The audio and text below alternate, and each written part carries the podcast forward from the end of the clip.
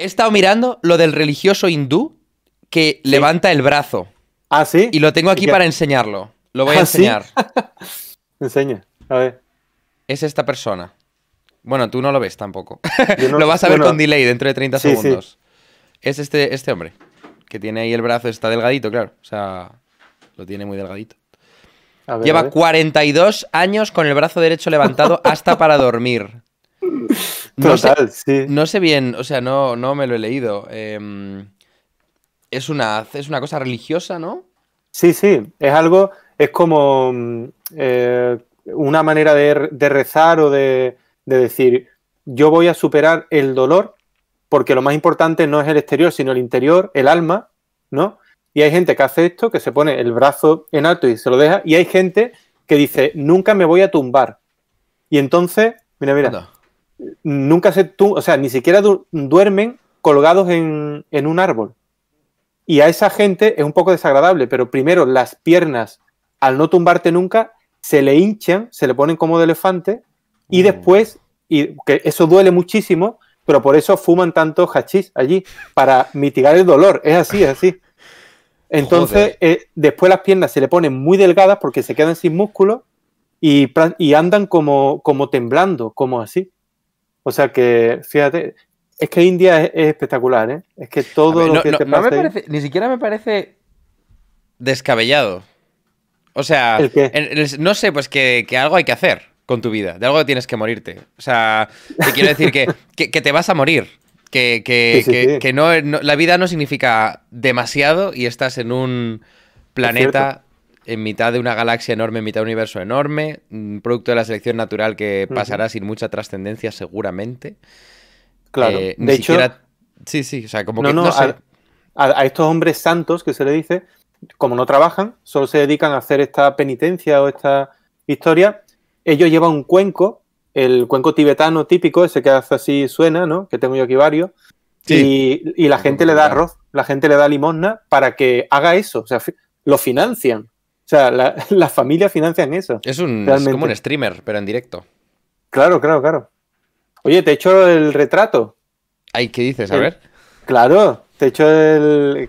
ha estado- Lo que pasa es que sale, sale serio, porque estabas ahí y yo eh, te he cogido de cuando estabas trabajando, y es un retrato que, ya digo, creo que muestra completamente tu personalidad. O sea, tu personalidad y todo es un retrato psicológico, ¿eh? Vale, ¿Estás preparado? Perfecto. Estoy preparado. ¿Sí? A ver. ¿Preparado? ¿Listo? Ya.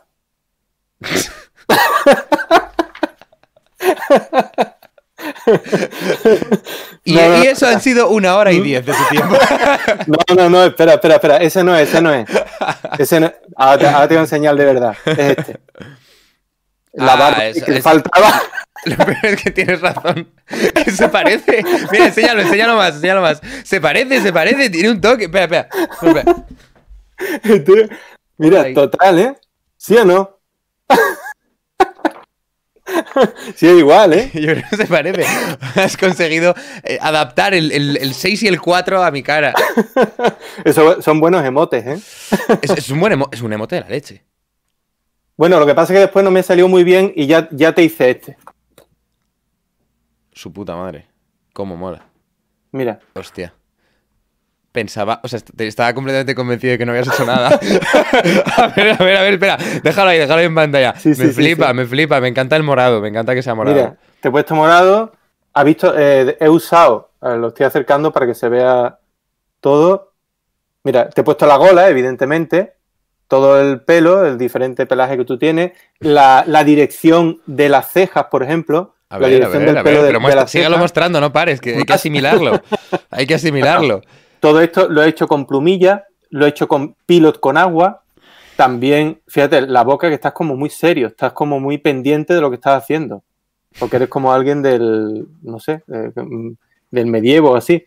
Y luego ves las diferentes eh, mm, direcciones de pelo y la barba igual. Qué maravilla. Aquí en el debajo de la nariz te sale así la barba, después viene para abajo y aquí también entra para adentro y aquí se hace cuadrada. Y luego aquí la mejilla, la mirada así intensa, mirando, bueno, lo que estás trabajando. Los labios que los tiene así como un poco sueltos, no sueltos, sino eh, relajados. porque estaba atendiendo a lo que estabas haciendo. ¿Te fijas? Me flipa, o sea, me flipa, estoy alucinando. Así. A ver, ¿lo puedes acercar más todavía? Para ver en plan el detalle de. Ah, eso, eso, eso, ¿Se ve? Eso, eso, eso. eso. a ver los ojos, las cejas, las cejas, ¿eh? El pelo. a ver, baja, baja a la gola o la lechuguilla. A ver. Qué flipe, qué alucine. Todo. me encanta, Antonio, me encanta. Me flipa, me encanta. Esto es un regalo para ti. Ya te lo ah. haré llegar o, cuando tú vengas aquí ya te lo doy como tú quieras. Un regalo. Joder, muchísimas gracias. Me ha hecho muchísima ilusión. Me encanta, me encanta, me encanta. Además, cuando lo veas en vivo en directo, claro, se ve mucha más calidad y mucho más esto, pero bueno. Pero es que me ha dado tiempo de mucho más. He hecho muchas más cosas. ¿Ves? Es que a Antonio le pasa que eh, dobla el tiempo. Lo duplica y lo triplica. Lo que a una persona le da tiempo a hacer en una en, dos horas, Antonio lo hace en 20 minutos. ¿Qué más has hecho? Pues es verdad. No, no, es, cierto, es cierto. No sé cómo lo hago, pero es así. El, como esto es un retrato muy elaborado, también he convertido el retrato en un emote. ¿Lo ves? Entonces, esto es un tu emote, que esto en pequeñito, pues será tú, el, emote del retrato. Perfecto. Pues, o sea, mándamelo y lo añado como emote. ya tenemos dos Jaimes con lechuguilla. Pero es que tengo otro más. He hecho otra cosa más. Porque a mí mm, me obsesiona mucho, me obsesionó mucho eh, tu primogénito. Y te he hecho a tu, a tu primogénito. Que es este.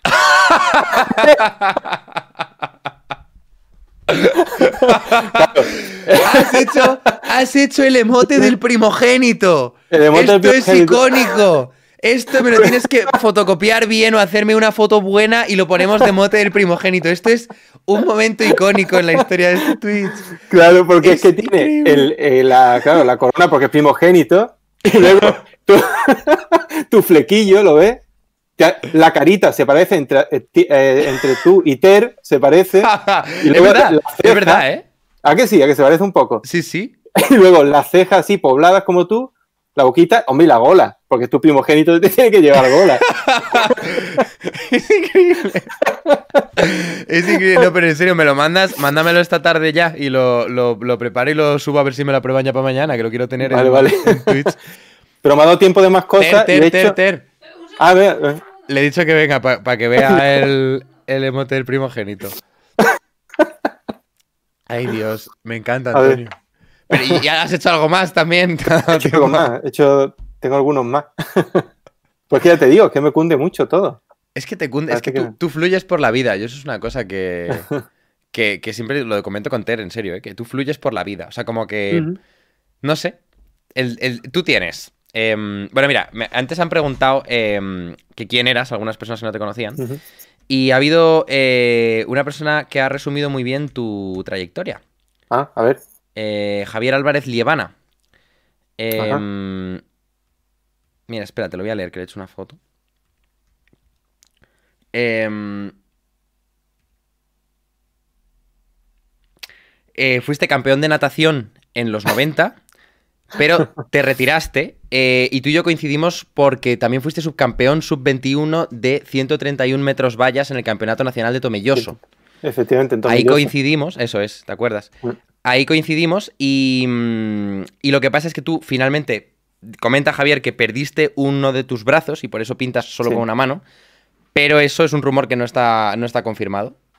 Bueno, em, ni yo lo voy a confirmar porque eso es una cosa muy íntima y no puedo yo hablar de... No hables de eso aquí, no. háblalo en, tu plataforma, no, no lo vendas a alguien, a una revista ni nada así. Y luego inventaste la pintura con dedos, eh, que es la que usan ahora en educación infantil los niños. Sí, de hecho, la, mm, tengo la. ¿Cómo se dice? La, la, patrociné, no, como que la. ¿Cómo se dice? Cuando uno hace, inventa algo. que tengo la patente. Tienes la patente, eso es. La patente, además, tengo un, em, un dineral gracias a esa patente. Porque cada vez que un niño coge pintura con un dedo y la pone sobre el papel, me tiene que pagar. Y si es primogénito, tiene que pagar más, ¿no? Bueno, por supuesto. El triple. Claro, luego ya se baja para, que las familias numerosas no se queden sin dinero, porque si no. Sí, después hay una oferta también a las familias. si las familias numerosas tienen niños que quieren pintar con dedo, eh, hay una, oferta muy buena del 3 por, eh, eran 3 por 5 creo, y le sale baratísimo, le sale baratísimo. Estás democratizando el arte infantil, eso está muy bien. Por supuesto, que todo el mundo pinte, que todos los niños pinten y me den su dinero. Sí. Que a ver, fuera de coñas, que, bueno, tú tienes un canal de YouTube, eh, que es Antonio García Villarán, luego tienes Antonio García Villarán Studio, que es tu segundo canal de YouTube en el que haces un... Ahora, estás haciendo un dibujo al día prácticamente, que lo retransmites a la vez en Twitch y en Instagram Live por medios distintos. Sí, sí, sí. Y, y luego además tienes una academia que tú has creado y diriges, que se llama Crea 13, de pintura. Tienes cursos online en Udemy, en udemy.com, busca Antonio García Villarán. ¿Qué más tienes? ¿Qué más haces? O sea, haces muchísimas cosas, te da tiempo a muchísimas cosas en el día. Yo flipo contigo. Te digo en serio. No, el que más Bueno, el, canal de YouTube, el. ah, bueno, eh, hasta hace poco escribía mucho, escribía mm, poemas y esto, también hago poesía. Ahora, ahora menos. Pero ya todo eso, no sé, es que no sé si, falta algo. Y a mí lo que me llama la atención es que siento que te organizas, o sea, es que, eres lo contrario a mí en organización. Sí. Y, como te va mejor, te organizas más, digo, vamos a ver, quiero aprender. Porque yo, o sea, yo soy muy de organizarme rollo a meses, a años, a no sé qué. A mí me dicen, eh, ¿podemos quedar? Y digo, sí, en plan, dentro de dos meses y medio tengo un hueco a las siete y media de la tarde. ¿Qué te parece? Y... Ah, pues yo, es que yo veo, yo creo que tú te organizas mejor que yo, fíjate. Porque yo soy, no es que sea caótico, pero que, mm, como yo hago las cosas es, eh, yo me hago, tengo aquí un papel, una libreta, ¿no? Eh, mira, bueno, tengo varias, por ejemplo, esta libreta, ¿no? Libretas así, tengo dos o tres. Y ahora digo, esta semana tengo que hacer, enviar esto, hacer esto, hacer vídeo, tal, tal, ¿no? Y conforme lo voy haciendo, lo voy tachando.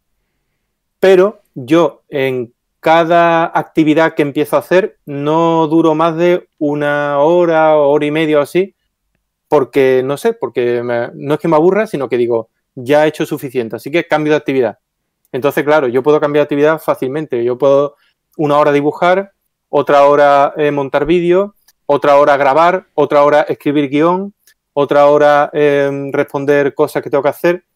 Y claro, en un día que tiene tantas horas, Además, tengo otra cosa que es que yo me levanto muy temprano. Que tiene tantas horas, ¿ves, cabrón? Yo a mí siento al revés. En un día que tiene tantas horas, yo al revés. Yo diciendo, el día no tiene horas suficientes. Es que pues, 24 por lo menos, ¿no? Han dicho por, lo menos. ahí. En el calendario gregoriano, sí. Y luego duermo poco. O sea, que yo a las 8 de la mañana estoy así. Me haya costado la hora que me haya costado. O sea, yo me acuesto a las 2 de la mañana viendo una peli con Claudia o lo que sea. Y a las 8 hago plin. Y entonces mientras me despierto, pues en el móvil voy mirando cosas e incluso leyendo artículos. O sea que. ¿Tú dirías que, tú, que tú procrastinas? Mm, poco, creo que poco. Poco. Sí, o sea, un poco sí, pero no, no considero, como la gente dice por ahí, que hace mucha procrastinación, horas y horas. No, no. De hecho, yo te digo, yo haciendo de comer, que me encanta hacer de comer, me pongo vídeos para aprender cosas, o me pongo las conferencias del Museo del Prado, o me pongo vídeos, sí, sí, me la pongo al, 1.5 porque son gente mayor que habla muy despacio, entonces, me, y, o me pongo cosas para aprender de Twitch, que ahora estamos en esto y todo. estamos en esto, yo, yo me he tragado mm. muchos tutoriales de Twitch de los últimos meses. Pero, y, tú consideras que tú procrastinabas más eh, cuando eras más joven? ¿O y ahora de pronto como que has o sea, ¿te has ido encauzando vitalmente o, llevas siendo así desde que tenías 20 años? Yo creo siempre he sido así, creo. O sea, siempre he trabajado mucho. De hecho, ahora trabajo menos. O sea, yo en hace 10 años, eh, yo me llevaba, me obsesionaba tanto que me llevaba hasta las 2 de la mañana, hasta, las 3, trabajando. Ahora digo, no. O sea, fines de semana, no. Si no es muy necesario, pero que no. Eh, a partir de las 8 a las 9 de la tarde, se acabó. Y claro, porque yo mismo me tengo que parar, porque si no, lo voy a hacer todo, ¿no? Hay una canción, hay un hombre en España que lo hace todo, pues soy yo. no me cabe duda. ¿Sabes cuál es esa canción, no? No, no, no. No, o es súper graciosa. Hay un si no estuviéramos en, el, copyright apocalipsis de Twitch, justo esta semana, la ponía. De todas formas, te la pasaré porque te va a partir la risa. Oye, que he hecho más cosas. Mira. Eso es pan seco. pan seco. He hecho un pan seco. Oye, que ya estoy, que me quería Venter, que te enseñe el dibujo del primogénito. Ha hecho, ha hecho un emote de primogénito. Ater no te oye. Antonio, no te oigo porque ¿Ah, estás con los cascos. No, es que si, te pongo en alto se te va a ir con eco. Espera, espera. Sí. A ver. Bueno, se te va a ir con un poco de eco, pero aún así. Te lo enseño, Ter, a ver qué te parece tu primogénito. ¿Lo ves? ¿Qué dices? ¡Me encanta! ¡Me encanta! Es, un emote, ¿eh? Es un emote. O sea, le pido que me lo mande para. Bueno, y me ha hecho un retrato. A mí ha hecho un montón de cosas. Ha hecho. Le ha cundido. El segundo bloque, porque el primer bloque lo ha dedicado a otra cosa. Claro. Y mira, este, este, este es el retrato que le he hecho. ¿Pero qué dices? Pero qué mola que te cagas. Es la leche. ¿Qué dices? Es la leche. Sí. A ver si lo paso. Y. bueno, tampoco para tanto. O sea, a mí me flipa. No sé, a mí me flipa que Todo lo que pudiera no ser para tanto se quita en el hecho de que lo hayas hecho en una hora y diez. Pero, pero no, o sea, el luego, se lo, vamos a poner. y luego he hecho este. ¡Ay, cómo mola! ¡Agarrar por el tobillo! ese, es el, ese es el, Eso también lo quiero de mote. Pero espera, Esa es la insignia, la insignia de los jacobianos. Antonio, ¿tú tienes emotes hechos por ti? Claro, los hago yo. Me los dibujo, después los paso al Pixelmator y le hago los, los, colores y me lo hago. Pixelmator Pro. ¿No se pronuncia así o qué? ¿Y luego los exportas en PNG transparente? Sí, sí, todo, todo. He aprendido a hacerlo por YouTube. Un hombre de su época. Pues ese, o sea, ese, quiero que sea, ese también quiero que sea mote, el de agarrar por el tobillo. Tiene que ser como el, el, logo, la insignia jacobiana. Ah, mira, este, este que no lo ha visto Ter. Este él, pero en, emote. Y esa es la versión emote de la lechuguilla. Me encanta. El motivo por el cual me gusta tanto, y o sea, Antonio me ha tenido que decir que no es para tanto. O sea, fíjate cómo me habrá visto de sorprendida. es porque a mí siempre me impresionan mucho los dibujos que con un trazo así muy rápido ya se entiende lo que es. ¿Sabes? Así como muy en plan. Y este, este es el mejor, Ter. Ese es mi favorito. este, este es Jaime, pero eh, con un 6 y un 4. Es que es igual, ¿eh? Se parece. O sea, es igual. Hombre, la verdad es que sí que te pareces, ¿eh? Sí, sí, sí. Bueno, que me voy ya, que os dejo en paz. Bueno, gracias por la visita. Adiós. Bueno, un beso. Adiós. bueno, y ya está. Mm, yo creo que ya no he hecho más nada. está bien. Pues, pues alucino. Voy a leer un segundo el chat a ver qué comenta la gente. Em, me tienes que pasar también el, de la, el del tobillo, por favor, Antonio. Pero sí, en sí, buena calidad, escaneado Sí, sí. Sí, sí, sí.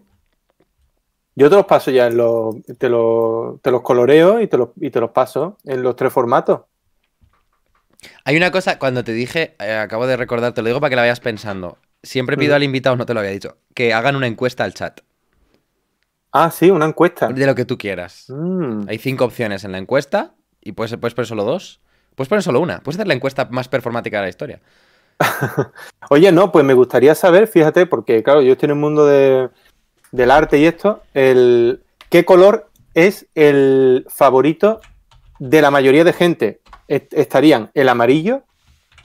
¿Ya, lo vas a hacer? Estoy haciéndolo, estoy haciéndolo. Vale, el amarillo, vamos a poner el magenta, que sería rojo, pon rojo. Rojo, azul, verde. Y queda otra.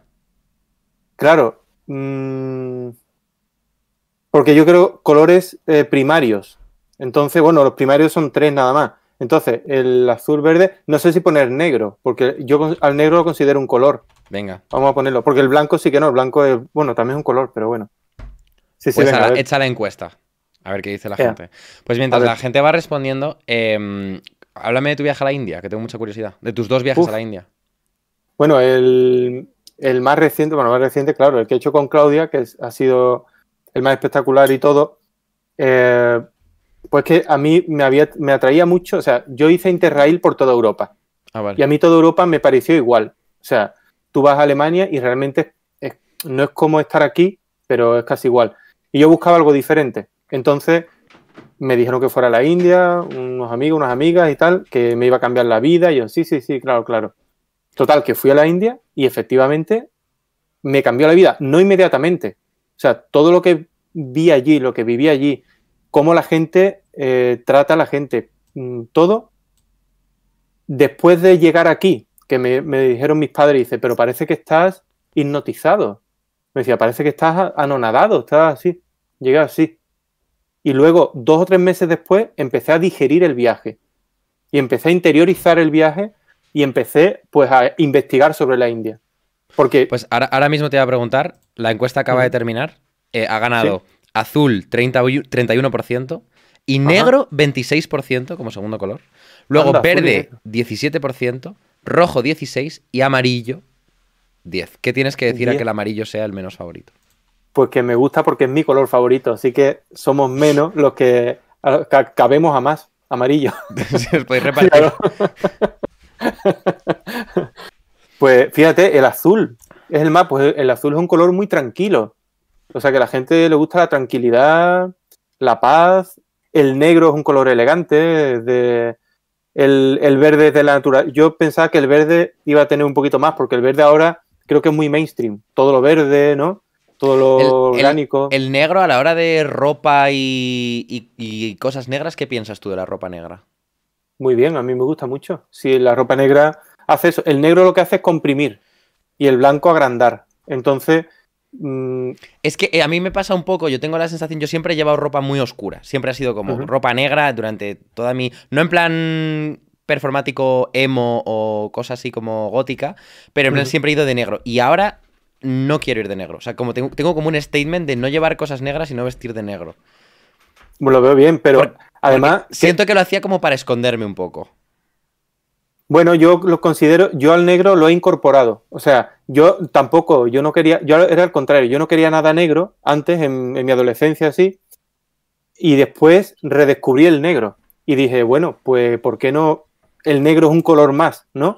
porque a mí me había metido mucho eso, que el negro no era un color, es, una, es la oscuridad.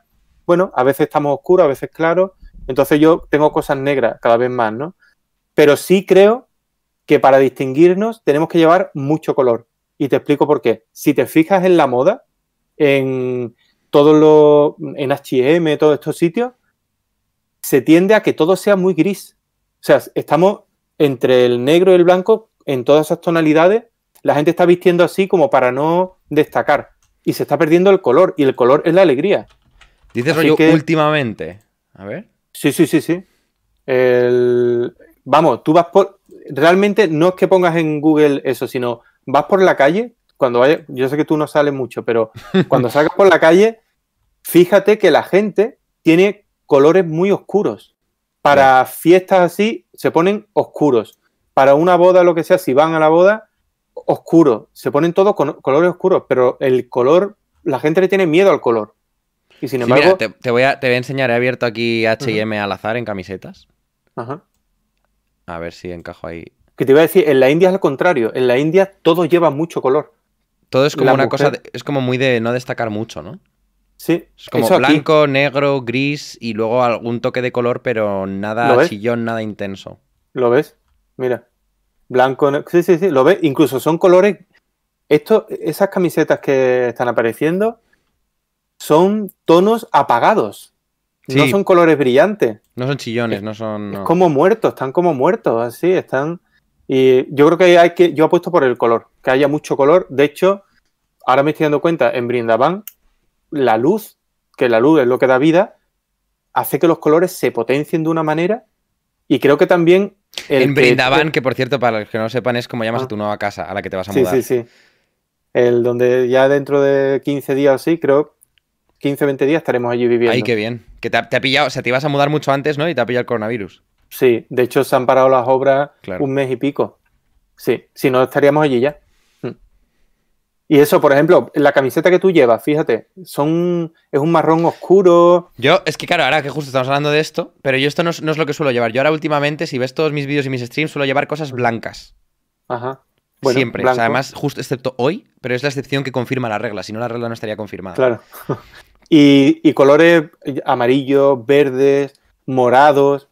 Yo sí, estoy apostando mucho por eso ahora también. Por ejemplo, los colores de esto de fondo que me pongo. Ya, con las luces estas te queda muy bien. No sé, porque es que me. Eso, en la India se hace mucho. Allí hay mucha pobreza, hay mucha tristeza. Vamos, tristeza, claro. Hay gente que se muere de hambre, ¿no? Sin embargo, visten con colores muy fuertes. Y yo creo que el tú ver esos colores psicológicamente te ayuda a, no sé, a pasar la vida mejor. pienso yo. ¿eh? O, sea, en tu viaje a la India, que me estabas contando antes, que te dijeron eso, que te iba a cambiar la vida, que tal, que no sé qué, pero tú decías, bueno, ya será menos. Y de pronto llegaste, y, pero, fue a la vuelta, tras unos meses, que lo fuiste como digiriendo y... y ¿En qué plan fue el viaje? Porque fue como, fue un viaje turístico, fue un viaje de... Mm, viaje con billete de ida y vuelta y un plan, y ya allí, te... eso fue el, primero. Allí mm, intentando ir a, a diferentes sitios, con lo cual era todo muy a trompicones así y ahora con Claudia lo que hicimos fue viaje de ida y vuelta, 21 días, y sabíamos dónde querías. Ya te conocías cosas, ya sabías a dónde querías ir. Sí, pero vamos, que allí cada dos minutos te pasa una cosa nueva, ¿eh? Aunque te lo conozcas, te sorprende cada dos minutos algo. O sea que es increíble. Y lo que hicimos fue, em, los hoteles, sí lo, desde aquí, sí lo, los cogimos. Hoteles, vamos, allí un hotel de cuatro estrellas o cinco, es como aquí lo que cuesta un hotel de dos o tres estrellas. O sea que nosotros a los hoteles que íbamos eran muy buenos por muy poco dinero, porque es así allí. Y, luego eso, una vez allí, sí decidí, porque en el primer viaje me hice como una gincana. Quise ver tanto que no vi casi nada, ¿no? Y en este segundo viaje sí dijimos, bueno, pues para el, el Taj Mahal, allí vamos a estar cinco días o cuatro días. Y claro, no solo vimos el Taj Mahal, vimos los alrededores, paseamos por las calles, vimos a la gente cantando en los patios, en esto.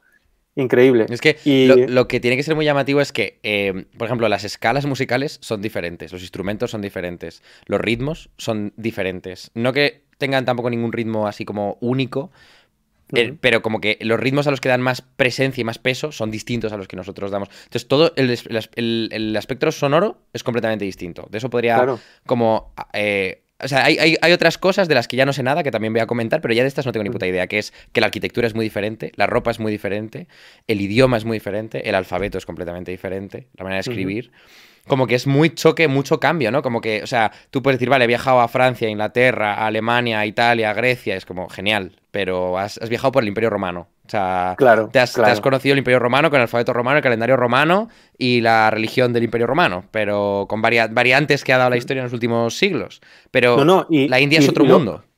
Lo más, bueno, por supuesto, allí hay música por todas partes, siempre, cantos, rezos, eso continuamente.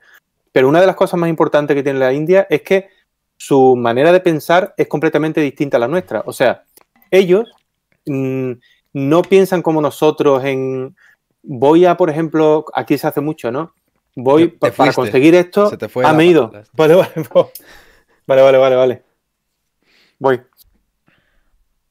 Ya, ya estoy. Que decía que en la India, por ejemplo, el sistema de pensamiento que tienen a mí me interesa mucho porque es eh, yo no voy a conseguir mm, este objetivo pisando a nadie. Al contrario, ellos, como creen en la reencarnación, si hacen el mal, posiblemente no se reencarnen. Entonces, no lo hacen. Intentan siempre hacerte el bien, o lo intentan, por lo menos, porque si no, mm, el karma, lo que ellos llaman el karma y todo esto, pues al final te va a ir mal a ti. ¿Entiendes? Una cosa que aquí no, mm, no lo vemos así. Y, por ejemplo, allí son muy pobres, muy pobres, pero la gente está sonriendo. Y aquí la gente tiene, de, tenemos de todo, y tú vas por la calle y la gente está triste. O sea, la gente está seria. Y digo, ¿pero por qué estamos serios? Deberíamos estar contentos como ellos. Y no tienen nada, ¿eh? No tienen. Claro, tuviste como unas diferencias como culturales y conceptuales y tal, como es como eso, como estar en otro. O sea, una, una, civilización mm, que, que divergió de la nuestra mucho más atrás. Claro, claro, claro. Y entonces es como, es que, claro, sí, sí. Sí, sí, sí, sí, no. Incluso su libro sagrado, la Biblia y todo esto, viene de, libros sagrados indios. O sea, esto del diluvio y todas estas cosas, eso está cogido de libros que venían de ahí. O sea, y lo que pasa es que ellos también tienen eso, eso de la trilogía, que lo explico tantas veces, lo de los dioses. Aquí el, bueno, el dios cristiano es un dios que nos perdona los pecados, además nos llama pecadores, ¿no? Es un poco que nos ataca.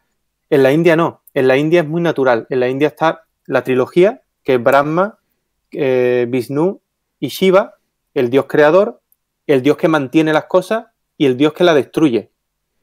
Y ellos eh, tienen interiorizado la destrucción como parte de, o sea, si, se destruye, puedo volver a crear. Es como Twitch. O sea, aquí hacemos lo mismo. claro, eh, abrimos la emisión, nace, nace la emisión, estamos hablando. Ahora estaríamos en pleno Vishnu, se mantiene. Y hay algo que es, cuando se acabe la emisión, que Shiva, que va a acabar para que mañana podamos de nuevo hacer una emisión. ¿Entiendes? Pero eso aquí no. Aquí es, se acaba algo. Ay, qué pena, qué mal, qué. Eh, se acaba una relación. Ay, lo siento mucho, ojalá no se hubiese acabado. Allí no es así. Se muere alguien, ¿no? Ay, qué pena que se ha muerto. Allí, de hecho, está prohibido llorar. O sea, cuando queman a los... Sí, sí, sí, cuando queman... Porque dicen que el alma entonces no se va. Entonces, en los crematorios, nosotros hemos ido allí, Claudio y yo hemos estado en los crematorios de, Benares y los, las mujeres no se les permite ir en principio, pues también hay mucho, hay machismo también, y no, las dos cosas, pero bueno. y los hombres queman a su padre, imagínate, y no lloran, porque como lloren, el espíritu no se va. Es que es, algo como es muy ajeno. Sobre todo lo que a mí me llama la atención de lo que cuentas es que es como muy ajeno. Como en plan, como que te cuesta mucho imaginar pues cómo es. O sea, básicamente, salvo que vayas y lo, y lo veas, ¿no? El, tema que dices de, lo de la religión, em, eso creo que lo comenta Joseph Campbell, que es un tío que se dedicó a estudiar religiones del mundo, que como que una de las grandes diferencias entre la religión oriental y la religión occidental es que la occidental em, tiene más como una perspectiva de Dios, como una especie de figura que aunque aunque castiga y aunque hace cosas como de mm, firmes eh, y que pueden ser destructivas y puede mandar un diluvio, Em, lo hace todo desde una perspectiva como, no sé cómo escribirlo ahora mismo, pero como buena. Como que es, eh, como que es eh, como moral, como desde, desde una mm. perspectiva de un bien versus un mal, y el mal no forma parte de Dios. El mal es o una figura que mm, puede ser expulsada del cielo, un ángel caído, un demonio, una cosa que es separada de Dios. Como que él, no tiene culpa. él, no Es, él, no es, la totalidad de la realidad en el fondo. O sea, la realidad la se separa en bien y mal y el bien está más cercano a Dios y el mal está más alejado de Dios. Y en cambio, en las religiones orientales hay más como una idea de que la destrucción, la muerte, incluso el mal, son más dioses del panteón o forman parte del, dios o... y entonces hay algo que crea, algo que destruye y, forma todo parte de lo mismo. De hecho, en hay una, hay una figura que me parece muy visual en una peli de estudio Ghibli que no. ¿Tú has visto pelis de estudio Ghibli? ¿Te gusta? Sí, sí, casi todas, casi todas. Pues hay una que ahora no sé si es Nausicaa en el Valle del Viento o es. No, creo que es la de. Mm, otra, otra chica que no es ni Chihiro ni Nausicaa. Eh... hay, hay, un ciervo, hay un ciervo que pisa el suelo y cuando pisa el suelo salen plantas y crecen plantas. Ah, sí, sí. Pero cuando levanta la pata, las plantas mueren y se destruyen y se marchitan. Entonces es como un dios, pero es un dios que es de la creación y de la destrucción. Claro, y en cambio, si eso se hubiera occidentalizado, habría sido un ciervo que camina y va creando plantas. ¿Sabes? Como un ciervo que va dando vida y va creando. ¿Y quién, la destruye? Y luego dices, ¿y quién la destruye? No lo sabemos. Sabemos que eso no forma parte de nuestra, de nuestra teología. Nosotros lo creamos y lo ponemos bonito. Luego ocurre un proceso que no tenemos claro cómo funciona, que es, que es destructivo. El demonio, el demonio. La peli es Mononoke, gracias, me lo estáis diciendo por el ah, chat. Ah, Mononoke, sí, es la princesa Mononoke, ¿no? Sí. La princesa Mononoke. Princesa Mononoke. Eh... Voy a poner Divine Deer, no sé cómo es, no sé ni si es un ciervo realmente, ya ni me acuerdo. Es este, este de aquí. Bueno, tú lo vas a ver con delay, pero. Sí, sí. Creo que era este. Yo lo que pienso es que en la India se, eh, se naturaliza todas las acciones humanas o sea, tú vas por la calle, pero se naturaliza todo, cuando digo todo, excepto el sexo. Sí, sí, sí, me acuerdo. Bueno, e, excepto el sexo, todo se ve. O sea, nosotros vamos andando por la calle y hay un hombre con un taparrabo, se lo echa para el lado y se pone a mear. Tú lo puedes ver. O, a, cagar ahí en medio tuya, o la hija peinando a la madre en la puerta, en la, puerta de la calle. O sea, e, es como que todo es transparente se ve todo, ya te digo, excepto lo sexual, que no se ven a la gente por la calle, pero todo lo demás, los excrementos, la... de hecho hay una cosa muy curiosa en la India, que es que usan remedios, claro, no tienen otra, remedios naturales para todo. Y en un poblado eh, había una, parece una alfombra marrón así en, en la puerta y todos tenían esa, no era una alfombra, habían restregado algo. Y le digo, ¿eso qué es? Dice, es mierda, mierda de vaca. Digo, ¿cómo? Dice, sí, sí, eh, al, al, restregarla por aquí, en la puerta, no entran los mosquitos. Hostia. ¿Qué te parece? O sea, deberíamos pues restregar mierda de vaca en todos los... en todas nuestras casas para que no entren los mosquitos. ¿Qué es eso de echar flea y contaminar la tierra? Por favor, mierda de vaca. Es lo que tenemos que tener, mierda de vaca. Hostia, claro, es remedios, remedios caseros, como experimentos caseros. claro, ¿te imaginas? Un canal de indio de remedios caseros. Hoy vamos a aprender cómo eh, mm, hay, muchas cosas de esas que, claro, remedios tradicionales caseros, incluso de seguramente españoles o de, de europeos y tal, que se han perdido. Porque ya hay como otras alternativas que a lo mejor son más eficientes. No digo que sean ni mejores ni peores, a lo mejor son más eficientes. Yo ahora tengo puesta en, casa unas mosquiteras en la ventana. En plan. Sí. Eh, yo, pues también. Unas redecillas de esas. Sí. Pero estamos buscando una vaca para poner mierda de vaca por toda la ventana ahora. no, no, no. no, pero es verdad. Lo que pasa es que también, por ejemplo, el... yo recuerdo de pequeño que mi madre, cuando yo me, sí, me resfriaba, eh, me ponía en la mesilla de noche una cebolla, ¿no te han hecho eso? Cortada por la mitad, pues la ponía cerca y se me quitaba la tos. O sea, ese tipo de remedio que lo deberían enseñar en las escuelas, pues es verdad, igual que a plantar, o sea, ¿por qué no nos han enseñado cosas como, ahora que me estoy viendo mucho, yo no sé plantar una tomatera? O sea, ahora, voy a aprender, menos mal que está YouTube, pero... Eh, en, Brindavan tienes huerto. Claro, claro, vamos a hacer un huerto, vamos, queremos hacer un mariposario también, queremos hacer un pequeño laguito, un, o sea, pero cosa, por ejemplo, a recolectar la fruta. Hay mucha gente diciendo que, que, lo de la cebolla se lo hacían sus madres, ¿eh? Ah, sí, ¿lo ves? Yo no, lo he habido en mi vida, lo de la cebolla. Pues fíjate. ¿Cómo, me dice, ¿cómo está, eh, ¿cómo está vista la homosexualidad en la India? Eso es otra cosa muy curiosa. Ahora dicen, bueno, dicen, ahora se ha aprobado como una ley a favor de la, no a favor, sino para normalizar la homosexualidad.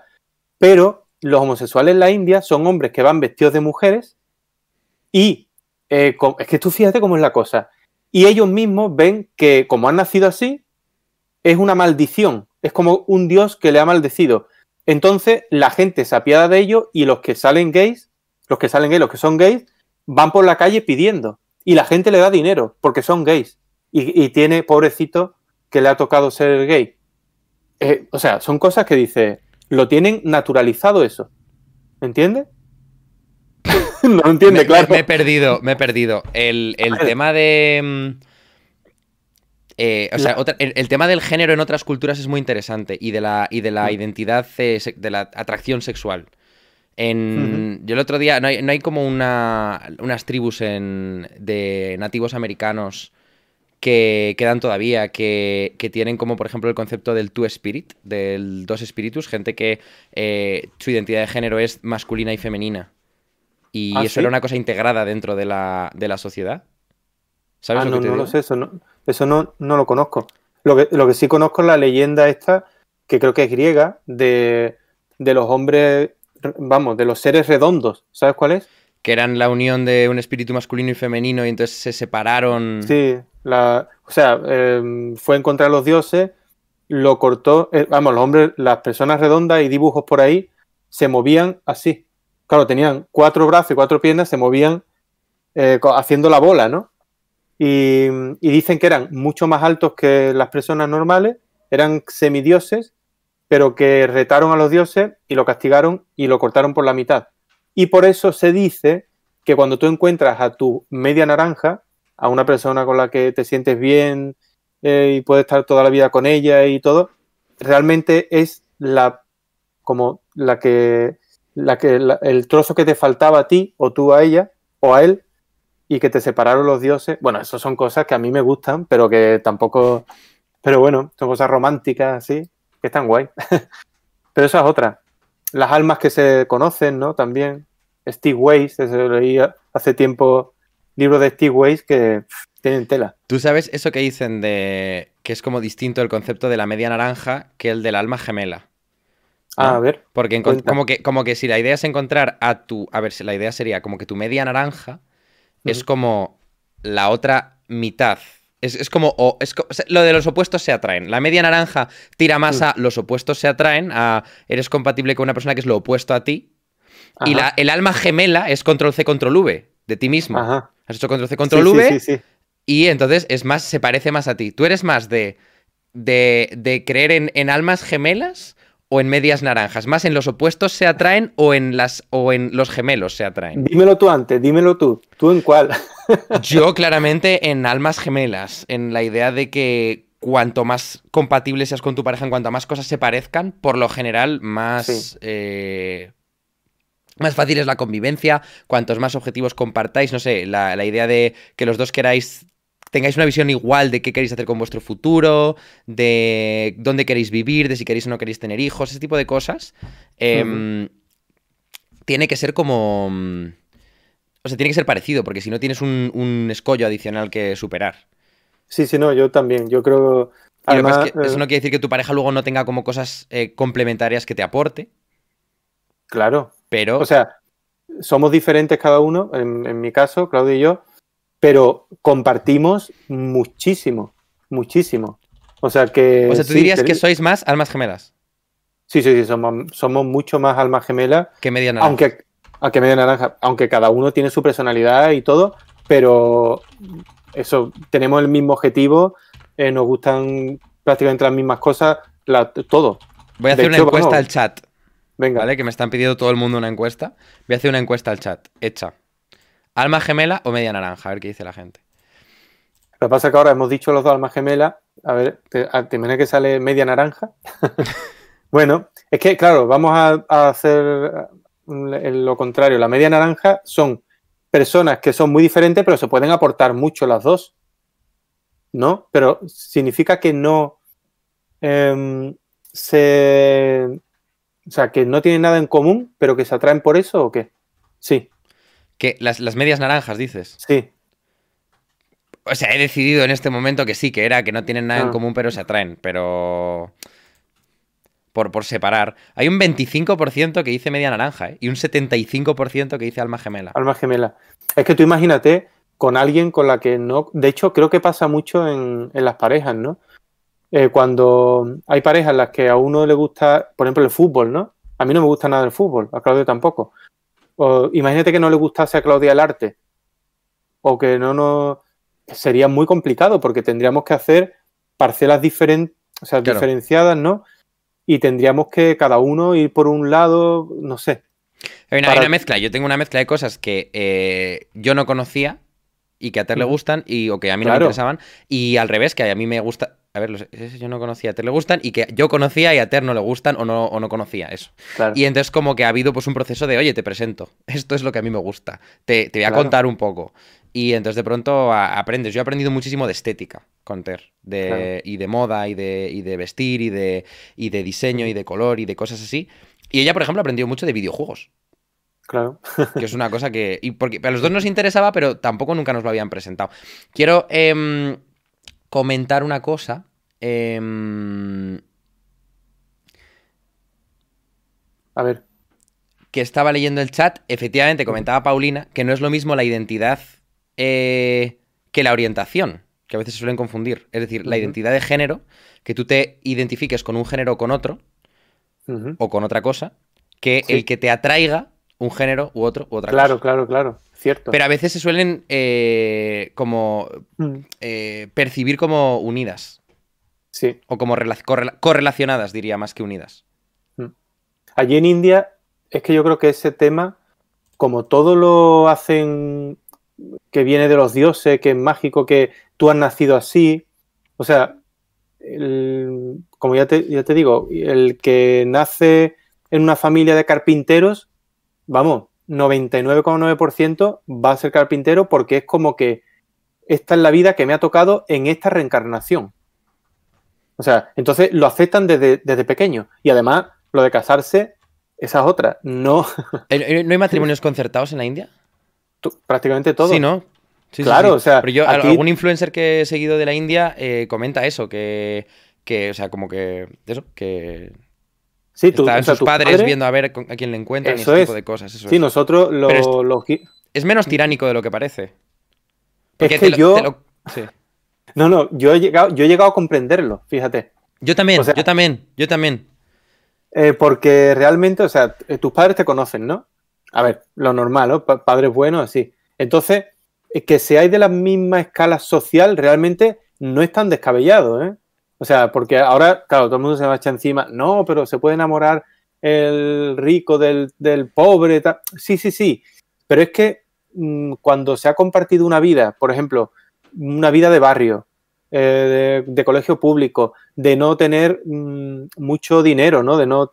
Tú imagínate que ahora tú tienes una pareja que, pues eso, que no tiene esa vivencia, que no la ha compartido y que tiene o, muchísimo más dinero que tú, dice, vámonos en el yate y tal, y tú no, yo tengo que hacer mi directo de Twitch. Eso lo comenta Slavoj Sisek eh, hablando de Titanic. Dice que el, iceberg les salva. Claro. Porque si no hubiera habido iceberg, ellos habrían llegado, ella era de clase alta, él era de clase baja, habrían llegado a la costa, habría llegado el barco, mm. y ella habría dicho, bueno, pues ha estado muy bien esta aventura, pero me tengo que ir. Y él habría dicho, ¿what? Porque hay, hay, un diferencial de poder ahí. Yo creo que el, diferencial de poder ahí tiene que ver con, con cómo de baja sea la clase baja en ese caso. O sea, no mm. tiene tanto que ver con que. O sea, digamos que. Eh, yo creo que de clase. O sea, como que de clase media a clase alta. No, no, estoy hablando de las castas de la India, estoy hablando a nivel de una relación de poder ahora mismo, de, una pareja que sale, ¿no? El, que a alguien le cueste llegar a fin de mes y a alguien le sobre dinero es donde realmente hay la diferencia de poder. Si a alguien no le cuesta llegar a fin de mes, simplemente alguien tiene mucho más dinero que a otra persona, pero a otra persona no le cuesta llegar a fin de mes ni y puede pagar su propio alquiler y es independiente, realmente no hay tanta diferencia. La diferencia del caso de la, de, la, de la de Titanic sería pues que el Leonardo DiCaprio a lo mejor no podría pagarse una operación médica que necesita, sobre todo en Estados Unidos, o no podría comer. Pero yo pienso que no tiene tanto que ver con el dinero, fíjate. Yo pienso que tiene que ver con, con cómo te has criado. O sea, tú puedes tener eh, etapas de tu vida en las que. Claro, tú puedes tener etapas de tu vida en las que no, mm, no tienes nada de dinero y otras en las que tienes mucho. A mí me ha pasado. O sea, yo, ya que he vivido tantos años, pues he tenido etapas en las que he tenido muy poco y otros mucho. Pero eso, gente que también ha vivido eso, lo entiende y es capaz de, soportar, digamos, o de vivir con alguien así. Pero tú imagínate una persona que tiene mucho, o sea, que ha tenido mucho dinero, pero no está acostumbrada ya de mayor a, o a no tener nada, o a lo mejor a tener demasiado que la agobia. Pues también tener mucho dinero, mm, pienso que mm, tiene que ser muy, muy agobiante también. O sea, sobre todo para gente que no, como nosotros, que, no tenemos nada. Estamos prácticamente tirados en la calle. Estamos.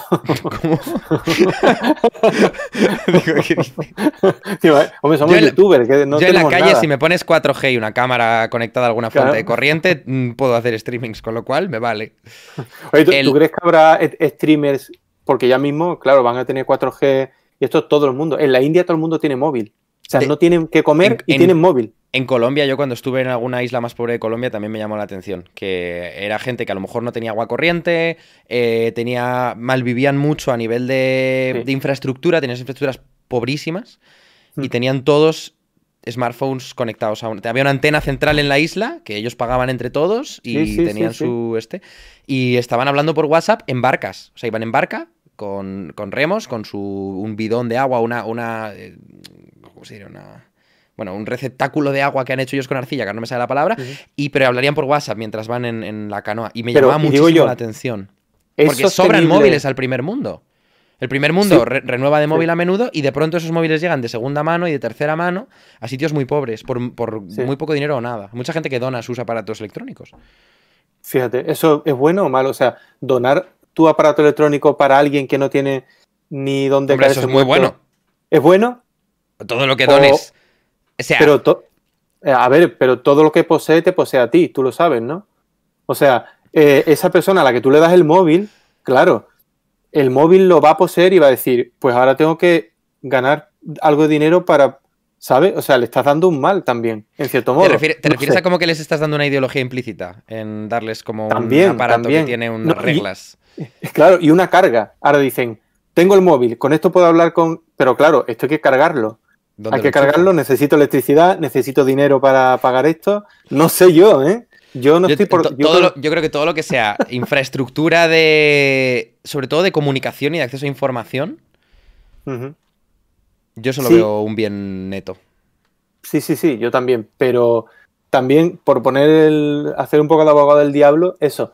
No solo basta con darle el móvil, eh, tendrás que dar también pues lo demás. Porque si no, ya te digo, yo no me imagino a un youtuber en la India o donde sea que, que tenga su móvil que haga sus vídeos, pero claro, no es sostenible. Imagínate que tiene éxito, ¿no?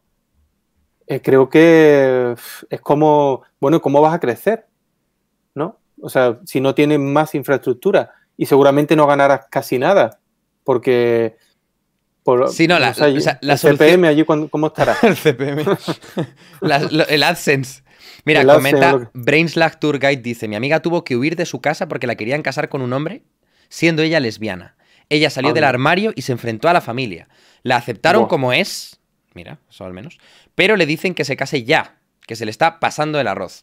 Hay, una, mm, hay un énfasis en las... Eh, que yo creo que ha desaparecido bastante, en, al menos en, los países más desarrollados, en la reproducción, en, ten hijos. Es muy importante que tengas descendencia y, tienes que hacerlo pronto porque a partir de cierta edad no se puede tener hijos. En... Y entonces... Em, hay como un énfasis muy grande en la, en la descendencia que desde esa perspectiva es desde la que eh, entiendo el matrimonio de la India, el matrimonio, ¿cómo hemos dicho que era? Eh, concertado. Concertado. ¿No? La idea de si partimos de la base de que eh, esta es una civilización donde casas, ponle que son a personas de, de, 15 con personas de 15, no en plan haces ninguna cosa rara, sino en plan gente de la misma edad.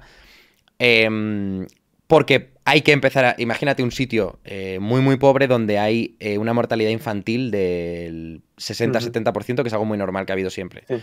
Para que la tribu o, la, o la, el pequeño poblado se mantenga, una, una pareja tiene que tener unos 8 o 9 hijos. Porque van a morir unos. Van a morir tres cuartos de ellos y van a quedar un cuarto. Entonces, Lo malo es que en India hay superpoblación también. No, no, no, ya, pero no digo, digo concretamente históricamente. O sea, la población en el planeta Tierra se ha multiplicado como por 4, por 5, por 6 en los últimos 100 años.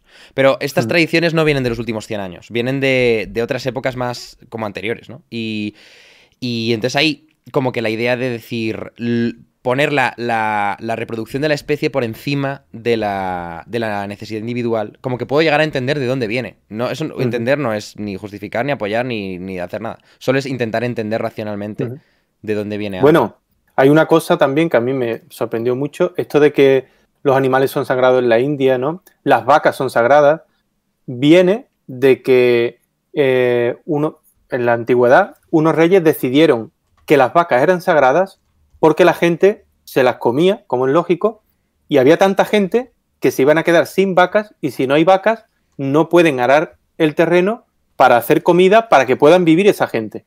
Y entonces dijeron, ¿qué hacemos? Pues vamos a hacer, vamos a, no sé, dirían, inventarnos, bueno, no fue así seguramente, pero pues que las vacas son seres sagrados, los animales son sagrados, porque como nos lo comamos, nos morimos. Claro, sí. Como ha, habido, ha habido, muchas. Eh, no se supone que. Se supone, no lo sé. Tampoco voy a pero que el cerdo está prohibido en varias religiones precisamente porque daba un montón de enfermedades en aquella época, no sé si daba triquinosis, no me acuerdo qué cosas daba, y entonces como que ha sido un animal que especialmente ha tenido muchos problemas de salud, ha producido muchos problemas de salud para la gente que se lo comía, entonces como prohibimos comer cerdo, ya está, o sea, no me preguntes, eh, se prohíbe y ya está. Porque sí, sí, hay que hacer algo. Pero, pero esas cosas no nos las explican, entonces vemos allí los animales por todas partes, que eso es otra cosa, allí en la India los animales están vamos, que tú vas andando, había una imagen que tengo grabada de en una tienda de ropa, imagínate en una tienda, allí en Madrid, eh, ¿cuál es la calle central, calle de que hay muchas tiendas de ropa? ¿Cuál, puede ser?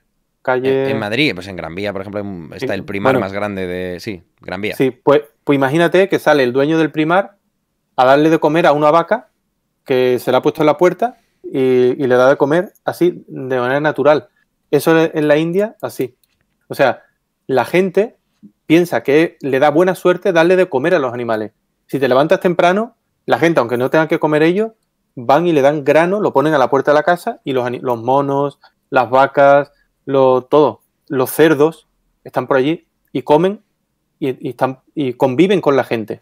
Todo está muy sucio, eso es cierto, pero no sé, es una sociedad... Sí, bueno, el, tema de que haya animales en las ciudades era una cosa relativamente normal hace 150 o 200 años. Sí, es verdad. De hecho, mi abuela, que yo no la conocí, tenía cerdos.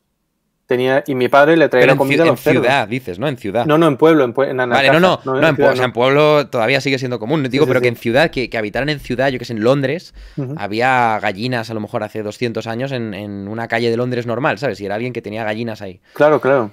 Sí, sí, sí. sí. De hecho, ahora, es. Eh, ¿Qué cosas son legales ahora mismo? ¿Yo puedo comprarme una vaca? No creo que pueda. Mm, eso, yo ahora te lo. Ahora, sí, ahora no. Creo que legalmente, incluso para tener gallinas, tienes que tener papeles. Porque nosotros nos, hemos, nos estamos informando y no puedes tener prácticamente de nada, eh, claro, de manera súper legal, ¿no? Porque. Claro, luego puedes tener una cosa y. Claro, aunque nosotros nuestro terreno es rústico y tenemos mucho terreno y podemos tener prácticamente lo que queramos. Pero claro, también decimos, ahora tenés muchos animales, vives para los animales también. Tampoco es, es plan, o sea, es que es una vida muy complicada. Nosotros vamos a ir hasta hacia la autosuficiencia, pero no autosuficiencia 100%, porque eso creo que sería como imposible. Tenemos un pozo con agua, pero parece muy buena, pero ahora tenemos que analizarla, a ver si la podemos beber. Porque no, tenemos agua del tuberías que nos llega el agua, no, no, no hay. ¿Y vais a poner o vais a tirar del pozo? No, es que no podemos poner, porque no llega la tubería ahí. Llega cerca, pero no, a ese terreno. No, ah. no podemos. Entonces, tenemos el agua del, pozo. Vale. Del pozo, bueno, y comprar agua para beber si ese agua no se puede beber. Pero también hay unas máquinas, pues todo está inventado ya, que hace que ese agua del pozo, si es que no se puede beber, pues lo mismo se puede beber, eh, te la filtra y dicen que es mejor incluso que el agua del grifo. O sea que... Y luego la, energía... Sí, la energía vamos a intentar... Placas solares. Ponerlo, placas solares, todo. Y una gran batería. claro, una batería. Para que se cargue durante el día y luego la puedes ver por la noche, ¿no? Y cosas así. Sí. Pero vamos, que... ¿La de Tesla? Pues no lo sé. Es que, es que hay mucho... Hay, hay dos tipos de... Bueno, nos han dicho que hay eso, como dos tipos. Uno, unas placas solares que si no hay sol no te da la, electricidad, que son las más económicas. Claro. Lo que pasa aquí en el sur hay mucho sol y hay otras que eso, que le pones la batería y, se carga, ¿no? acumula, se carga y puede 5 o 6 días sin sol, pues tienes electricidad. Pero también está lo híbrido, que es lo que, que cuando no hay, imagínate, pues, dos semanas sin sol, que no lo creo, pero bueno, pues cuando se termina la electricidad de ahí, tira sola. Hoy. Te apagaste. Hoy. Te preguntan en el chat que si no tienes agua corriente, ¿cómo vas a tener cobertura para internet? Pues tengo fibra, amiga. es que nos llevamos tres meses, tres meses buscando un terreno que estuviera cerca de la ciudad, pero a la vez en el campo, que tuviese pozo y sobre todo que tuviese fibra, porque había terrenos ahí por todas partes, eh, hay mucho pozo, hay todo, pero con fibra óptica, ese era el... Pues ya te digo, la fibra no llega a todos los sitios y para lo que hacemos nosotros necesitamos fibra, pero hemos encontrado el terreno ideal. Así que, bueno, ya, ya lo veréis y lo vamos a contar todo por las redes. Que tengáis fibra. Ya, tengo muchas ganas de que hagas un house tour. Sí, sí. Bueno, te hice uno, hice uno, a a ti, pero estaba la casa a la mitad. ¿Te acuerdas que te lo mandé por el. Así que aparecía la casa y después el estudio? pero es que ahora está. Y vamos a tener eso, una piscina de agua salada también. Queremos poner. Que tenemos ya la piscina hecha, pero hay que arreglarla. Y con agua salada, que por lo visto es mejor que el cloro. Dicen. Porque no, tiene, no es que tengan mucha sal, sino que tiene menos, mm, no sé cuánto porcentaje menos de sal que el agua del mar con lo cual puedes abrir los ojos y todo y te los limpia. O sea, es, con sal la limpieza. Con sal, sal. Sí, sí, sí. yo, alguna vez me bañé en una piscina de esas, sí, sí. Que lo que mola es que no huele a cloro. Y lo que pasa es que el olor a cloro no está mal tampoco. Sí, a mí me trae recuerdos de la infancia. Claro. lo que pasa es que. Igual que la lejía, no sé por qué. ¿Sí? Sí, como que la lejía, si, no me dices que es tóxica, es como no está mal, igual que la gasolina. ¿A ti no te gusta el olor a gasolina? A mí me encanta el olor a gasolina, me encanta. Y el olor a óleo, a pintura, a todo, me encanta. Yo todo eso, a la lejía, bueno. ¿tú te, has, ¿Tú te has drogado con pintura? ¿No se supone que si hueles pintura? Bueno, dicen que te colocas así, pero yo no he llegado a marearme ni nada. A lo mejor es la, clave de por qué eres tan productivo. A lo mejor. Porque, no, de hecho, en mi cuarto de, de niño, ¿no? Yo empecé a pintar con, con 13 años, me llevaron a, una academia. Pues el cuarto olía a óleo porque yo pintaba en mi cuarto. Y no solo el cuarto, el piso entero olía a óleo, pero en mi cuarto, con las 24 horas, 24-7, óleo. Entonces a lo mejor estaré inmunizado ya. O sea, no, no me. Es posible que tengas como resistencia, como la gente que, yo que sé, bebe mucho y tiene que tomarse cinco copas para empezar a sentir algo. O sea que sí, sí. Claro, claro. También, también me pasa eso. Al margen de. Al margen de eso también. Me tengo que tomar una botella o dos, si no, es como si no bebiera agua. Oye, te quería hacer una pregunta que hago siempre. Eh, llevo realmente dos de estas. Em, que es: ¿qué compra? Es una, es una pregunta que es una copia de, la pregunta que hace Tim Ferris en su podcast. ¿Qué compra de menos de 100 euros te ha cambiado la vida? ¿Qué compra de menos de 100 euros?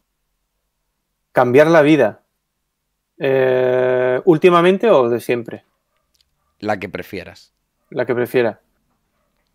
A ver, las compras que a mí me han cambiado la vida han sido compras de libros, claro, compras de libros, porque objetos así, claro. Caer en el tema libro es muy sucio. ya, ya, ya pero eh, por ejemplo, mm, hace poco también una compra que realmente me ha cambiado ha sido encontrar mi champú ideal también. O sea, compro un tipo de un champú, pues yo tengo el pelo un poco graso y me lo lavo todos los días, le dedico mi tiempo a mi pelo, no como otros que no le dedican nada. Y, si uso otro champú, o sea, se me queda mal, se me queda grasiento, se me queda no sé qué. Y he encontrado uno que es un bote negro así grandísimo, bueno, no sé, la marca no lo voy a decir, pero bueno. Y me ha costado muchísimo trabajo conseguir. Has hecho, prueba y error, has ido probando champús hasta que de pronto uno. Toda la vida, toda la vida prueba y error. Hasta que encuentres el champú idóneo para tu, para tu cabello. Así que. y luego también el libro de, Epicuro también me cambió la vida, claro. ¿Libro qué? ¿Qué, libro, ¿Qué libro de, de, Epicuro, de ¿Es un filósofo griego? ¿Quién es? Sí, sí, un filósofo griego. De hecho, yo me considero epicúreo. Y creo que tú también, cuando lo leas. es muy poquito, o sea, son unos escritos que se encontraron no completos, es muy poquito, se lee muy rápido, pero me lo recomendó un profesor de filosofía. Vamos, uno no era profesor, es un amigo que, que es profesor de filosofía. Y me dijo lo de. Y nada, me lo compré, me lo leí, digo, pero yo, yo, soy de este rollo. Yo soy epicúreo. Sí, yo, sí, sí, lo de epicúreo sí, se, sí lo había oído pero no, no he leído al señor Epicuro aquí con su busto en Wikipedia. Em, pues, criticaba em, tanto el desenfreno como la renuncia a los placeres de la carne. Efectivamente. es como muy en plan de la virtud en el centro, ¿no? claro, además él, decía, por ejemplo, que estaba bien de vez en cuando, imagínate, pegarte una gran borrachera, pero siempre, claro, porque decía, eh, tú tienes que intentar no hacer mal a tu cuerpo, ¿no? cuando tú sientas que le haces un mal, por ejemplo, si tú comes mucho, te duele la barriga, te haces un mal. Pero si comes cosas ricas y te hace bien, pues bien. Y de vez en cuando, para, no sé, para que todo vuelva a su orden, si se te permite o, está bien como algo para desfogar, digamos, para una una cosa, no sé si me explico. Sí, sí, como para Sí, que, te puedes desmadrar, pero no te, no te desmadres mucho, básicamente. Pero tú leíste directamente a Epicuro o leíste a como gente que leía. Tú fuiste a la fuente de Epicuro. Yo, fui a la fuente, sí. De hecho, el otro día estuve buscando el libro y no lo encuentro. No sé dónde está, pero ahora como me voy a mudar, lo, porque tenía, creo que hasta dos, versiones del libro de Epicuro. Dos traducciones. Y ahora no he encontrado ninguna. No sé si me la han quitado o, yo lo habré. creo que no lo habré dejado porque no dejo libros. Pero bueno. Eh, sí, eso es una cosa que me enseñó un amigo argentino. Dejar libros es, eh, normalmente es casi mejor regalarlos, en plan. Efectivamente. Te lo, compro en Amazon y te lo regalo, pero no te lo dejo. Yo no dejo ya desde que me han desaparecido muchos que, que los adoraba. Yo no, A mí lo que me pasa es que cuando yo tiendo a leer en ebook Y cuando no leo en ebook, que son los que tengo físicos, son porque. Hostia. Coronavirus. No. Eh, que, son porque. Mm, porque, porque son como libros que me interesan mucho y entonces los quiero subrayar. Y normalmente los tengo en físico para subrayar y pintar por encima y decir esto sí, esto no. Entonces, como que el libro no, es reemplazable si se pierde, porque es mis subrayos del libro, no es el libro en sí mismo. De todas formas, yo compro libros cada dos o tres días, ¿eh? O sea, yo. Y los leo también, claro. Pero tengo, si ves todo esto, bueno, aquí hay libros, y hay libros. Eh, tengo muchos libros, pero porque me interesa un tema y quiero, a lo mejor, me interesa una parte de ese libro para incluso para hacer vídeo o para aprender cosas nuevas así. Pero yo los libros, el, papel, yo he tenido una editorial. O sea, he tenido. Tú tuviste una editorial de poesía, ¿era o no? Era... De poesía. Joder, de poesía ilustrada, con ilustraciones. 13 años he tenido la editorial. Y he sacado 40 mm, títulos con distribución nacional y todo eso. O sea, es que he hecho muchas cosas. He organizado un festival de perfopoesía, estuve en la cárcel dando clases. siempre, se me olvida, es verdad. he dado clases a muchos tipos de personas, he estado en la universidad dando clases, mi propia academia. O sea, es que he hecho, he hecho hasta decoración de bares. Decoración de bares. Sí, sí, sí. En plan de encargarte tú de la decoración de un bar de cero, como de interiorista. De, cero. Sí, sí, sí. Que yo no sabía, pero es que yo, cuando me gusta algo, aunque no sepa, digo, sí, sí, sé hacerlo. Y luego ya aprenderé, ¿sabes? Y he hecho varias, he hecho una casa de la cultura desde cero, o sea, está el edificio y desde hacer los logotipos, eh, decidir mm, los muebles, la colocación, todo, absolutamente todo de varios proyectos. De eso. O sea, he hecho esculturas en bronce, también tengo algunas por ahí. No sé, es que he hecho muchas cosas. y ahora Twitch. Tiempos modernos, total. Sí. Pues. Pero bueno, he, hecho escultura en, madera. He hecho escultura. Bueno, he pintado hasta lo dije ayer en el directo de Twitch. He pintado pañoletas de feria. ¿Sabes lo que es? ¿Una pañoleta? La verdad es que no. Me imagino que es algo para ponerte en la cabeza o. No, no, no. Googlealo. Pon pañoleta feria Sevilla. Voy. A ver lo que te sale. A ver, lo muestro. Voy. Ah, su madre. Eso, sí, sí.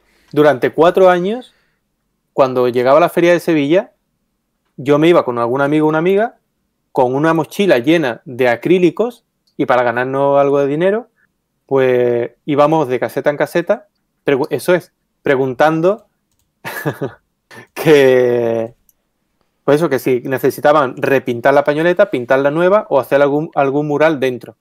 Y durante cuatro años de mi vida, mm, dos semanas antes de la feria, de hecho, en la feria de Sevilla, si paseásemos juntos, te diría, esa la he pintado yo y aquella también. Y ah, ¡Hala! Hay obra mía en la feria de Sevilla. o sea que fíjate. ¿Y cómo, ¿Y cómo decidiste de pronto meterte rollo en, en, YouTube y ahora en Twitch? O sea que Twitch, o sea, te quiero decir, hay muchos youtubers que todavía no están en Twitch. O sea, como que yo me imagino que tú vas a ser el primero en entrar en TikTok de todos los de divulgación. O sea, que estás, muy a la cabeza de todas las redes sociales y de todo lo moderno. Me llama, me llama mucho la atención. No, no, yo no, no descarto. O sea, de hecho, estaba pensando, digo, ¿cómo puedo entrar en TikTok? porque bailar bailo fatal. Se ha visto aquí en el esto, pero a lo mejor la. No. Pero sí es verdad que mm, una cosa me enseñó mi maestro y es que él intentaba siempre estar a la última. Y yo, de adolescente, negaba todo lo que fuese lo nuevo. Pero él me enseñó que, eh, como, dice, el progreso lo podrán retrasar, pero no lo para ni Dios, decía él siempre. Y si tú no te abrazas al progreso, eh, es que te va a llegar, te, va a, atropellar, ¿sabes? Entonces yo he decidido, en vez de decir, no, no, no quiero móvil, no quiero esto, porque al final lo vas a tener, he decidido al contrario, correr y estar por delante para que no me pille, sino para yo estar corriendo a su lado, ¿no? Y, lo de Twitch fue así, ¿te acuerdas? Es que no sé por qué, pues veía que mm, con esto del COVID mm, la gente se estaba haciendo directos y tal, me puse a investigar, a investigar, y realmente fue, no sé, una noche que hablamos que, me, me dije, pues me estoy metiendo en Twitch, digo, no me digas porque yo estoy también en esta. Y, así. Yo las, dos cosas, o sea, el Twitch ya me superaba, ahora ya pues estoy un poco más al día, pero mm, las dos cosas que he sentido como el, el, progreso pasar por delante de mí y seguir sin mí ha sido con, con TikTok y con el trap. Sí, yo el trap tampoco... Las, dos cosas mm. que de pronto ha sido como, ¿qué está pasando? TikTok y trap. No sé, no sé qué son. Y, ya llevan ya años y yo sigo sin saber qué son. Ahora ya, hombre, el trap, como me ha tocado como con la parte musical y tal, lo he puesto al día. Pero, pero TikTok, eh, no. Mm. No, pero es que TikTok, yo he estado investigando, investigo de vez en cuando, miro así, pero todavía no sé, he mirado cosas de arte pero no hay mucho. No sé dónde podría. Además, con Instagram, por ejemplo, es que Instagram hay que colonizarlo todavía un poco más. O sea, Instagram es verdad que ha crecido mucho. Ahí estamos. Yo hago muchas cosas en Instagram. Pero considero que, bueno. Que quedan muchos formatos por llevar a Instagram, dices. sí, sí, sí, sí. De hecho, sabes que van a monetizar, ¿no? Instagram. Instagram TV, Instagram TV. Sí, Instagram TV. Eso, eso, lo dijeron hace la leche y creo que pero vi un vídeo el lunes, el lunes o el martes de. Ay, que no me acuerdo quién es, pero uno que lo conocemos de la reunión esta de YouTube. Y mm, dijo que ya lo están probando en Estados Unidos y que dentro de dos o tres meses va a llegar aquí. Pero claro, ¿cómo van a monetizar? ¿Cómo? Yo creo. E, esto es una, es que es una guerra, ¿eh? Es una guerra, ahora todas las plataformas están en guerra y si quieren que los creadores hagan contenido para ellas, lo único que tienen que hacer es pagarles, ya sea a través de anuncios o a través de alguna cosa, pero es como si tú pagas al creador, el creador viene. Efectivamente. Bueno, el YouTube, el Facebook Gaming o sea, está intentando también. Se ha llevado a, no sé, a Lolito, no sé quién se ha llevado a Facebook Gaming, que en plan, adiós, se lo lleva de Twitch. Eh, Mixer se llevó a. Mixer es de Microsoft y se llevó a, Ninja, que era el mayor gamer de, del planeta ¿Ah, hace un año, ahora ya no. Y entonces le hizo un, un contrato millonario. Spotify ha hecho otro contrato millonario con Joe Rogan, que no es, eh, no es de gaming ni tal, pero como que para, que haya exclusividad, para venta a mi plataforma tú solo y te pago por encima de lo que te pagaría si estuvieras en todas. Claro. Y es que... Es la guerra de las plataformas. En la guerra de las plataformas, de momento, los creadores salen bien parados. Sí, sí. Bueno, los creadores que sí, sí. En realidad... Los creadores que firmen un contrato de exclusividad, no como nosotros, pero sí. Mm, sí. Pero ¿sabes lo que yo pienso que... En esto, por ejemplo, YouTube, que yo lo quiero mucho y me ha dado mucho y, todo, pero creo que hubo, un, hubo un momento que nosotros no estábamos en YouTube en el que, por lo visto, pagaban muy bien a, a los youtubers, ¿no? Lo dicen, los youtubers de primera generación lo dicen.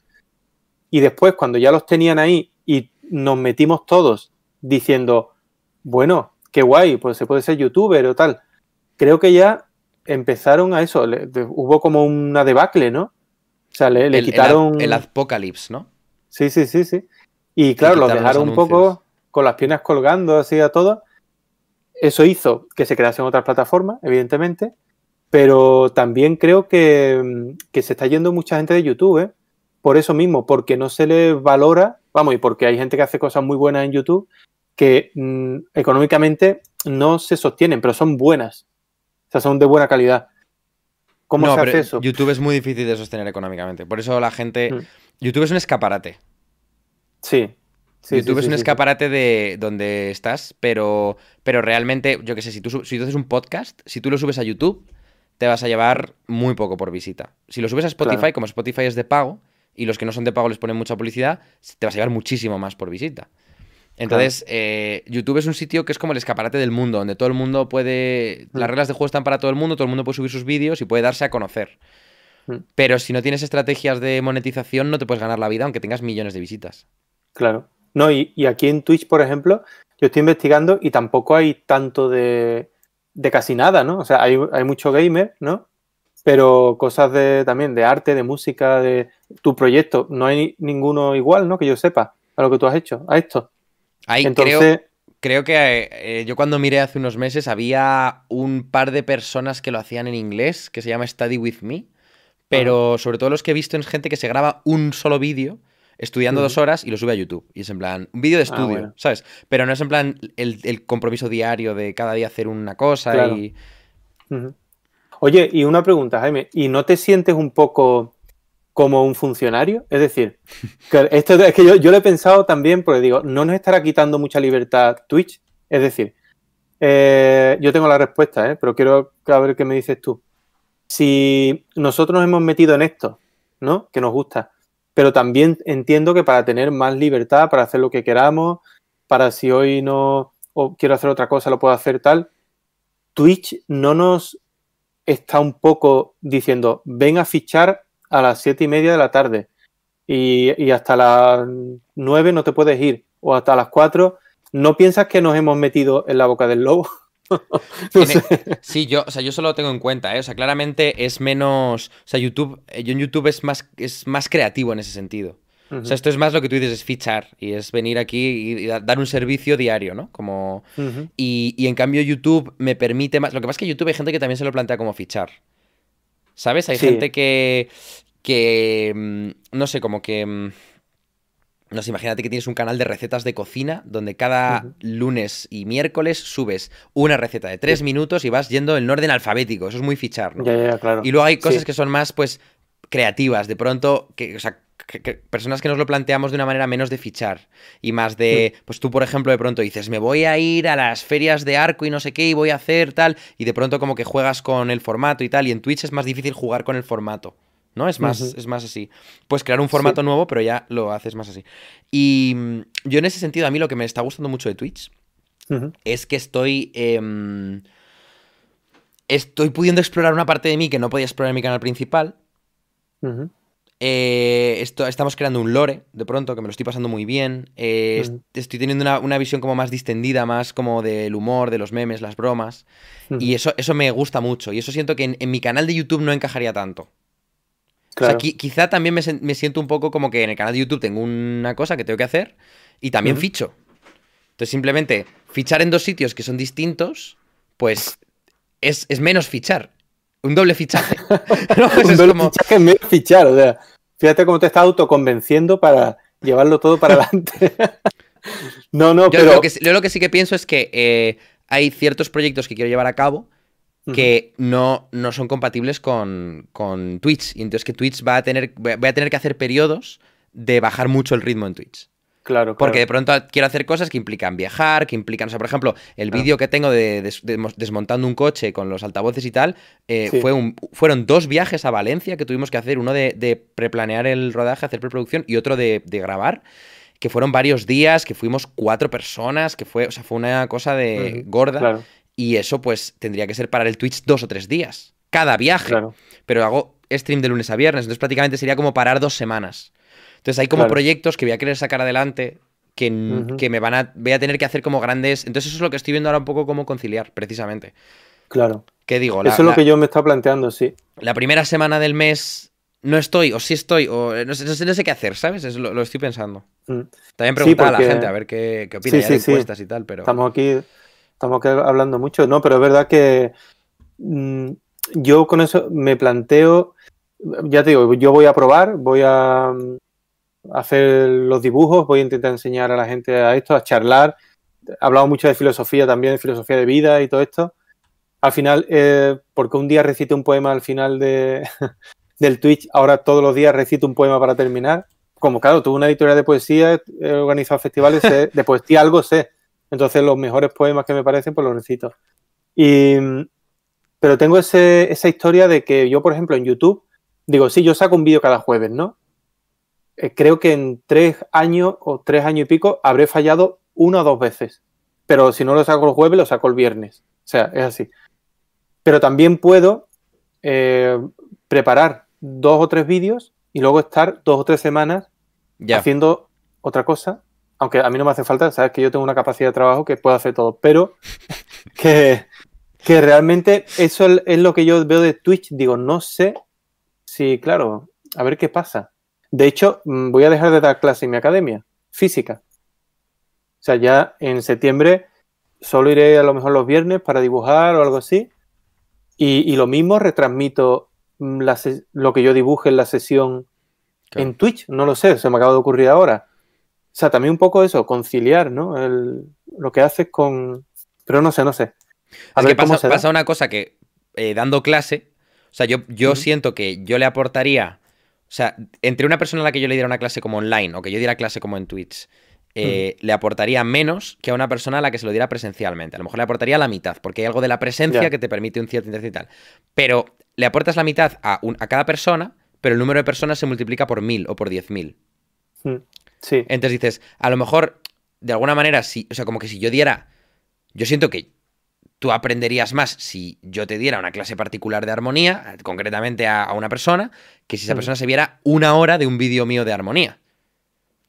Pero es que si doy una clase particular, pues solo lo ha visto una persona. Solo es esa claro. persona. En cambio, si hago un vídeo, pues son a lo mejor dos millones de personas. Y entonces de pronto dices.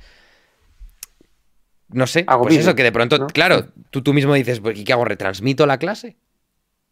Da igual, sí, pero además siempre se... Yo pienso que se, hay, o sea, lo que yo he ido haciendo lo veo bien. El, yo tengo los cursos online, la gente se apunta, aprende lo que puede aprender de los cursos online y después, claro, cuando he hecho las clases presenciales o antes que daba cursos por toda España, pues en eso, en esa experiencia, pues supongo que aprenderían otras cosas, simplemente. No, no más ni mejor, otras cosas. Pero ya te digo, ya lo voy a intentar, como vamos a estar alejados de todo un poco, eh, alejarme del mundo real, digamos, ¿no? Estar más en lo virtual. Pero a ver cómo se da, porque también lo bueno de esto, me gusta mucho la incertidumbre. O sea, no sé si acabaremos, o por lo menos por mi parte, em, dentro de X meses, un año, con este canal de Twitch estando aquí o no. O si estaremos, ¿sabes? Eso me, hace que esté vivo. Por eso te digo que el, hecho de, de, fichar no me gusta nada. O sea, de decir, vale, yo voy si todas las tardes, a las 7 de la tarde, hago un directo hasta las 9, sé que mm, al mes voy a tener tanto y voy a... Esto no. No sé, no me gusta tanto eso. Me gusta el riesgo más. Te entiendo totalmente. Te entiendo totalmente. De hecho, por eso me meto en todo. Me meto aquí, me intento esto, intento lo otro. Me frustro, pero después me levanto, en fin. Te iba a enseñar, em, ya para cerrar, que Isabel Ejarque te ha hecho un dibujo. No me digas. Mientras tú hacías el dibujo de mí. ¿Sí? A ver. Y Qué fuerte. Vas a verlo en unos 20 segundos o con el delay con el que vaya. Lo estoy poniendo ya en pantalla. ¿Y cómo ha hecho eso? Qué fuerte. A ver qué te a ver, a ver, a ver. ¿Cómo se llama ella? Isabel. O Isabel. No, imagino que Isabel. Qué chulo. Qué chulo. Ah, mira, con la camiseta y todo. Qué guay. Y la mirada así al lado. Qué chulo. con una especie de sol detrás. Sí. Como un, como un santo. claro, como un santo. Yo voy mucho, o sea, me gusta mucho el rollo de los santos y eso, ¿eh? A mí hay un libro que es La leyenda dorada que me encanta. Ahora te diré de lo que es. Podría ser un santo jacobino. Claro, mira, yo soy uno de tu panteón, ¿no? Del, panteón jacobino, uno de ellos. Uno de ellos.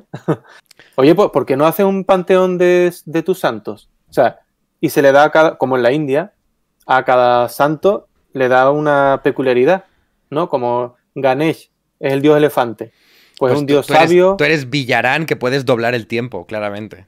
Ya está, ya. Villarán el que dobla el, tiempo. y el que encuentra el champú perfecto. Perfecto, así, así, tiene que ser cosa que. Podría ser, realmente podríamos llamarte San Antonio. San Antonio. Que queda como pues más tradicional. Sí. Oye, tú vas a. El tiempo. ¿Vas a retransmitir ahora o no? Sí, sí, sí. Vale. Es que digo, a lo mejor se ha hecho súper tarde. Son las 8, pero yo me estoy preparado para hacer un, dibujo más de una horita así y, retransmito. Pues entonces te hacemos un raid. Venga, no sé muy bien lo que es, pero ni lo que me voy a encontrar, pero a ver. Pues nada, la incertidumbre. Lo que, bueno, no, no, creo que no sé si puedes retransmitir mientras mantienes la llamada, pero si no, pues cuelga la llamada, empieza a retransmitir y cuando estés te hacemos el raid. Vale, voy a hacer eso. Eh, voy a, coger agua, voy a conectar un cable en corto ahora. Gracias a todos, a todas por estar aquí porque, y a ti, por supuesto, Jaime, por invitarme. ha, sido, un placer tenerte, tío. Es la, es la tercera vez que hacemos esto de traer a alguien y de momento yo creo que funciona. Funciona muy bien. Además, podríamos estar hablando mucho más tiempo, ¿eh? Sí. Yo, a, a ver si lo hago en mi Twitch también. O sea, el viernes, hacer viernes de charla o algo. Ya. No sé. Porque estaría guay con, amigos, con amigas. Sí, ¿verdad? Traerse a alguien y charlar. Sí, sí, sí, sí. Por claro, de cosas. Sí, son muy interesantes. Yo aprendo mucho, la verdad. Bueno, pues muchísimas gracias. Pues tío, muchas gracias por venir. Te hago llegar todo, te hago llegar todo esto y, y nada, voy a preparar esto y me voy a, a dibujar. Besos a todos y a todas. Venga, cuídate, Antonio. Adiós, cuidaros. Em, ahora le hacemos a, mm, Antonio un raid, ¿vale? Y, nada, él va a estar pintando. En su, en su canal pinta y habla. Y hace un cuadro al día. Em, luego he visto, me habéis mandado em, un comentario, la persona que decía que tenía una amiga que sus padres le habían. que le iban a. Mm, que la habían aceptado. Que era, era, era homosexual, la habían aceptado, pero luego le habían dicho. No sé, que esa persona luego ha hecho una matización que ya no he leído porque ya habíamos cambiado de tema que en realidad no la habían aceptado sus padres, que en realidad le habían dicho en plan, vive toda tu vida escondida y haz que eres hetero. Era muy chungo eso. Em, cuando habías dicho que la habían aceptado, pensaba que la habían aceptado en plan de verdad, no... Es que me ha, dado, me ha dado pena, pero decía, la han aceptado en el sentido de que no la han dejado de hablar. Y es como, hostia, eso no es aceptar, tío. Eso no es aceptar. Eh... Uf. Uf. Dice Galván, a mí me pasó algo parecido con el tema de la sexualidad. Me dijeron que no pasaba nada mientras no hiciese nada en la vida porque el pecado era la acción, no el pensamiento. Y dije, what the fuck.